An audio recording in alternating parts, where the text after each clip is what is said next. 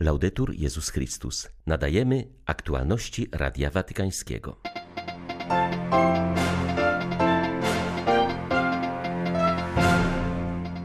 Papież Franciszek przyjął dziś w Watykanie przedstawicieli Romów, którzy jutro rozegrają mecz piłkarski przeciwko drużynie papieskiej.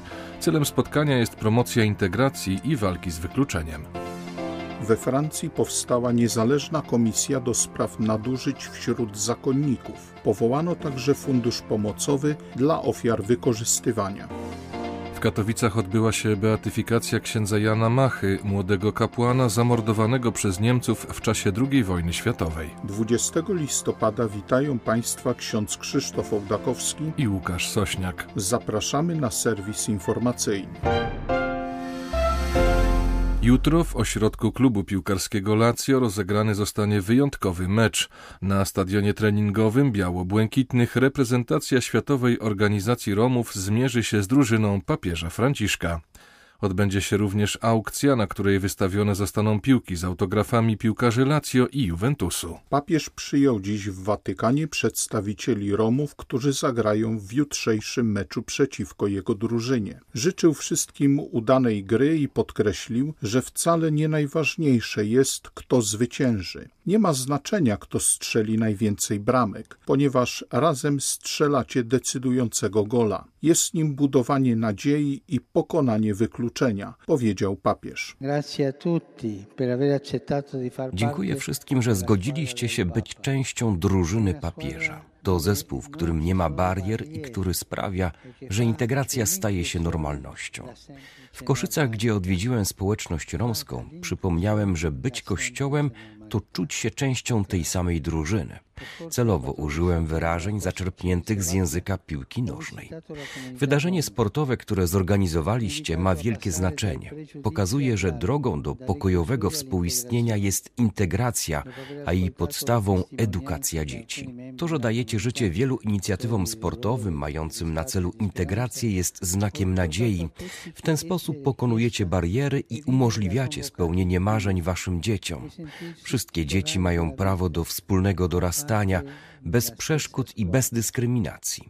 A sport jest miejscem spotkania i równości, może budować wspólnotę poprzez mosty przyjaźni. Drużyna papieska składa się ze szwajcarskich gwardzistów, pracowników Watykanu i ich dzieci oraz chłopca z zespołem Downa, który na boisku pojawi się w koszulce z napisem Fratelli Tutti. W papieskiej drużynie zagra także trzech migrantów przybyłych z greckiego obozu na wyspie Lesbos, przyjętych we Włoszech przez wspólnotę świętego Idziego. Arbitrem będzie czołowy włoski napastnik Ciro Immobile.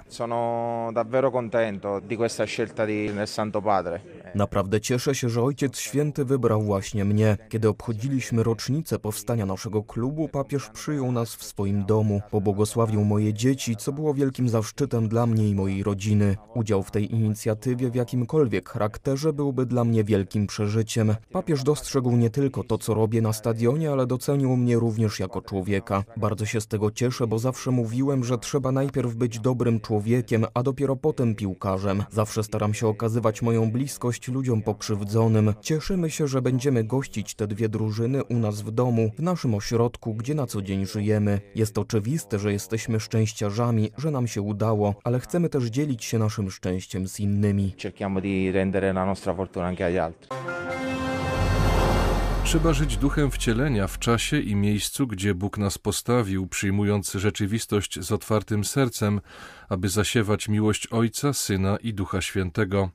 Te słowa papież skierował do przedstawicielek Instytutu Świeckiego, współpracowniczek oblatek misjonarek niepokalanej z okazji 70-lecia istnienia oraz 20-lecia zatwierdzenia go na prawach papieskich. Ojciec Święty podkreślił, że bycie konsekrowanym w Instytucie Świeckim nie oznacza ukrycia się w bezpiecznym miejscu ale dzielenie na wzór Jezusa zwyczajnego życia ludzi. To znaczy żyć w pełni w teraźniejszości, chwytając się obietnicy wieczności. Całe nasze życie jest dążeniem do życia wiecznego i musimy być na to gotowi. Człowiek jest gotowy, gdy jest całkowicie oddany Bogu oraz swoim braciom i siostrom. Nie wtedy, gdy pojawiają się oklaski i sukcesy, Nie, życie jest czymś więcej. Jest to bycie w świecie w pełni, w prawdzie i wolności dzieci Bożych oraz w relacji braterstwa z innymi. Tę intensywność relacji z Ojcem i z naszymi braćmi oraz siostrami karmi modlitwa, która pozwala Bogu być blisko nas, wyzwala z samotności i napełnia nadzieją. Modlitwa dotlenia życie. Tak jak nie można żyć bez oddychania, tak nie można żyć jako chrześcijanin, a tym bardziej jako osoba konsekrowana bez modlitwy. Jesteście nadal wielką siłą duchową w Kościele i w świecie. Modlę się do Pana, aby chronił Was w powołaniu i dawał impuls Waszej misji.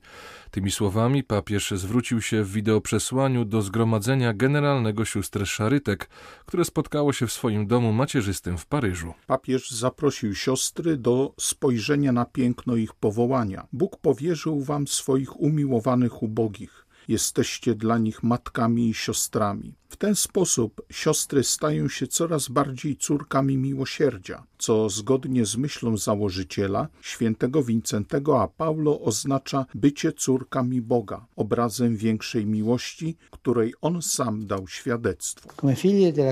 Jako córki miłosierdzia w tych czasach naznaczonych tak wieloma sprzecznościami i tak wieloma formami marginalizacji, Odgrywacie historyczną rolę jako kobiety, które żyją szczególną formą konsekracji, polegającą na towarzyszeniu tak wielu naszym braciom i siostrom, którzy są ofiarami przemocy i dyskryminacji, na wychowywaniu dzieci, które są pierwszymi ofiarami nadużyć ze strony dorosłych, na strzeżeniu i obronie życia wokół nas, waszym uśmiechem, waszą troską, waszym oddaniem się w służbie najmniejszym.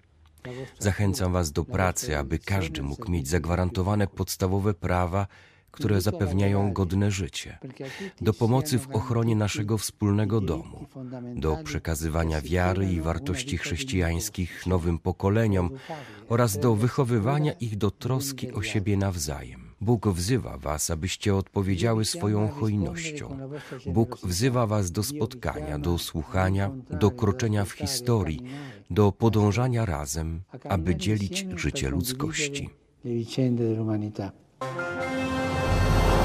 Trwa kryzys migracyjny na polsko-białoruskiej granicy wywołany przez reżim prezydenta Aleksandra Łukaszenki. Biskup Krzysztof Zadarko zaznacza, że nie wolno sprowadzać go do dylematu albo obrona granic, albo pomoc humanitarna.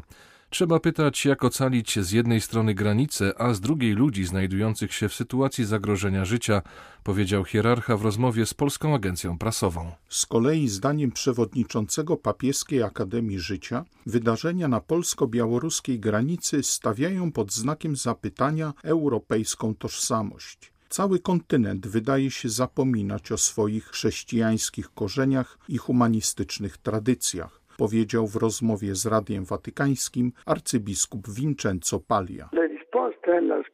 Odpowiedzią powinno być pokonanie obojętności, którą papież Franciszek określił jako postawę diaboliczną. Uważam, że Europa, która przez dwadzieścia wieków oddychała chrześcijańskim przesłaniem, teraz potrzebuje wstrząsu, by dostrzec nasze wspólne człowieczeństwo. To samo, które Ewangelia wprowadziła w tradycję narodów europejskich. Jan Paweł II stwierdził, że dzięki chrześcijaństwu Europa zaczęła oddychać dwoma płucami. Tymczasem dzisiaj grozi jej uduszenie spowodowane wzrostem obojętności. Mam nadzieję, że stary kontynent znów głęboko odetchnie dzięki wielkim tradycjom, które przez wieki sprawiały, że byliśmy protagonistami braterstwa i solidarności, ze wszystkimi ograniczeniami i wadami tych postaw, ale ze świadomością, że one przyniosły światu humanizm inspirowany Ewangelią. Ryzykujemy, że będziemy podwójnie winni, jeśli zamkniemy się w sobie, odrzucimy tych ludzi, nawet kobiety i dzieci, którzy pukając do naszych drzwi aspirują do lepszej przyszłości.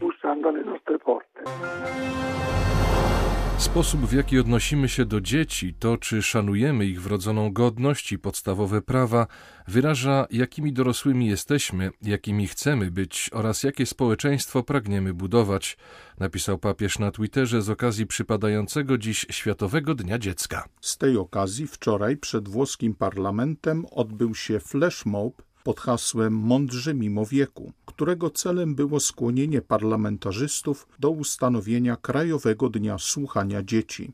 Wziął w nim udział m.in. kardynał Augusto Paulo Lo Giudice, arcybiskup sieneński, Podkreśla on potrzebę zaangażowania najmłodszych we wszystkich instytucjach, również w Kościele. Jest to oczywiście temat bardzo ważny, a zarazem delikatny, który dotyczy najsłabszej, a zarazem najważniejszej części naszego społeczeństwa. Musimy sprawić, by słuchanie dzieci było czymś istotnym we wszystkich naszych instytucjach i działaniach. Chodzi o to, by zapewnić im pełne przyjęcie. Na przykład w naszych środowiskach można organizować spotkania w małych grupach przy okazji katechezy, przygotowania do sakramentów, ale też wśród dzieci jeszcze młodszych, by dać im słowo, a nie tylko przekazywać im nasze nauczanie, zobaczyć co pięknego i ważnego mogą oni przekazać nam dorosłym. Konferencja zakonników i zakonnic we Francji przedstawiła wczoraj swoje plany działań dotyczących wykorzystywania seksualnego nieletnich. Powołana została niezależna komisja uznania i zadośćuczynienia oraz fundusz pomocowy dla ofiar nadużyć. Komisja ta przyjmie i wysłucha każdą ofiarę członka Instytutu Zakonnego. Uznanie faktów odpowiedzialności i traumatycznych konsekwencji w życiu ofiary jest tutaj priorytetem i pierwszym aktem sprawiedliwości i zadośćuczynienia. Komisja na wniosek ofiary rozpocznie też zindywidualizowany proces mediacji z danym Instytutem Zakonnym, co będzie prowadzić do zadośćuczynienia w postaci pisemnej umowy między ofiarą a zgromadzeniem, które będzie zobowiązane do odszkodowania. W katowickiej katedrze Chrystusa Króla odbyła się dziś beatyfikacja księdza Jana Machy, zamordowanego przez Niemców podczas II wojny światowej. 28-letni kapłan rozwinął w czasie okupacji siatkę pomocy charytatywnej na niezwykłą skalę. Za tę działalność i świadectwo wiary został skazany na śmierć i ścięty. Od rana w katowickiej katedrze Chrystusa Króla gromadzili się wierni. Przyjechaliśmy z Krakowa tutaj z koleżanką i po prostu chcieliśmy też uczcić nowego błogosławionego kościoła naszego w Polsce. Przewartościowałam sobie pewne rzeczy i jestem tutaj dzisiaj. Co czuje postulator? Przede wszystkim wdzięczność wobec Pana Boga. 그가 Mówił na kilkadziesiąt minut przed beatyfikacją postulator w procesie beatyfikacyjnym ksiądz Damian Bednarski. Z kolei biskup Grzegorz Olszowski zwracał uwagę. Błogosławiony, święty to ktoś, kto jest wyniesiony na ołtarze, a tak naprawdę to on schodzi z nieba na ziemię, by nam towarzyszyć, by orędować. Podczas uroczystości w katowickiej katedrze list od papieża odczytał kanclerz kurii ksiądz Jan Smolec. Naszą władzą apostolską zezwalamy, aby odtąd czcigodny sługa Boży Jan Franciszek Macha był nazywany błogosławionym i aby jego coroczne wspomnienie mogło być obchodzone dnia 2 grudnia.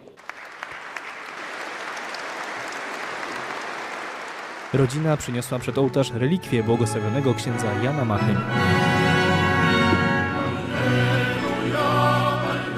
Homilię kardynała Marcello Semeraro z Watykanu, który przewodniczył mszy świętej, odczytał biskup Marek Szkudło. Błogosławiony napisał do swoich rodziców na kilka dni przed śmiercią.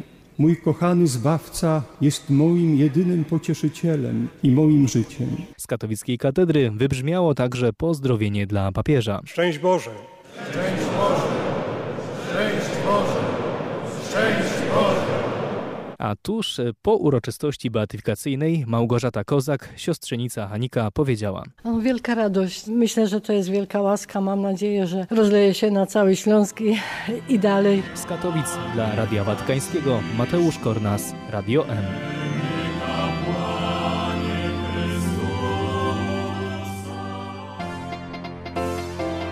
Były to aktualności Radia Watykańskiego. Laudetur Jezus Chrystus.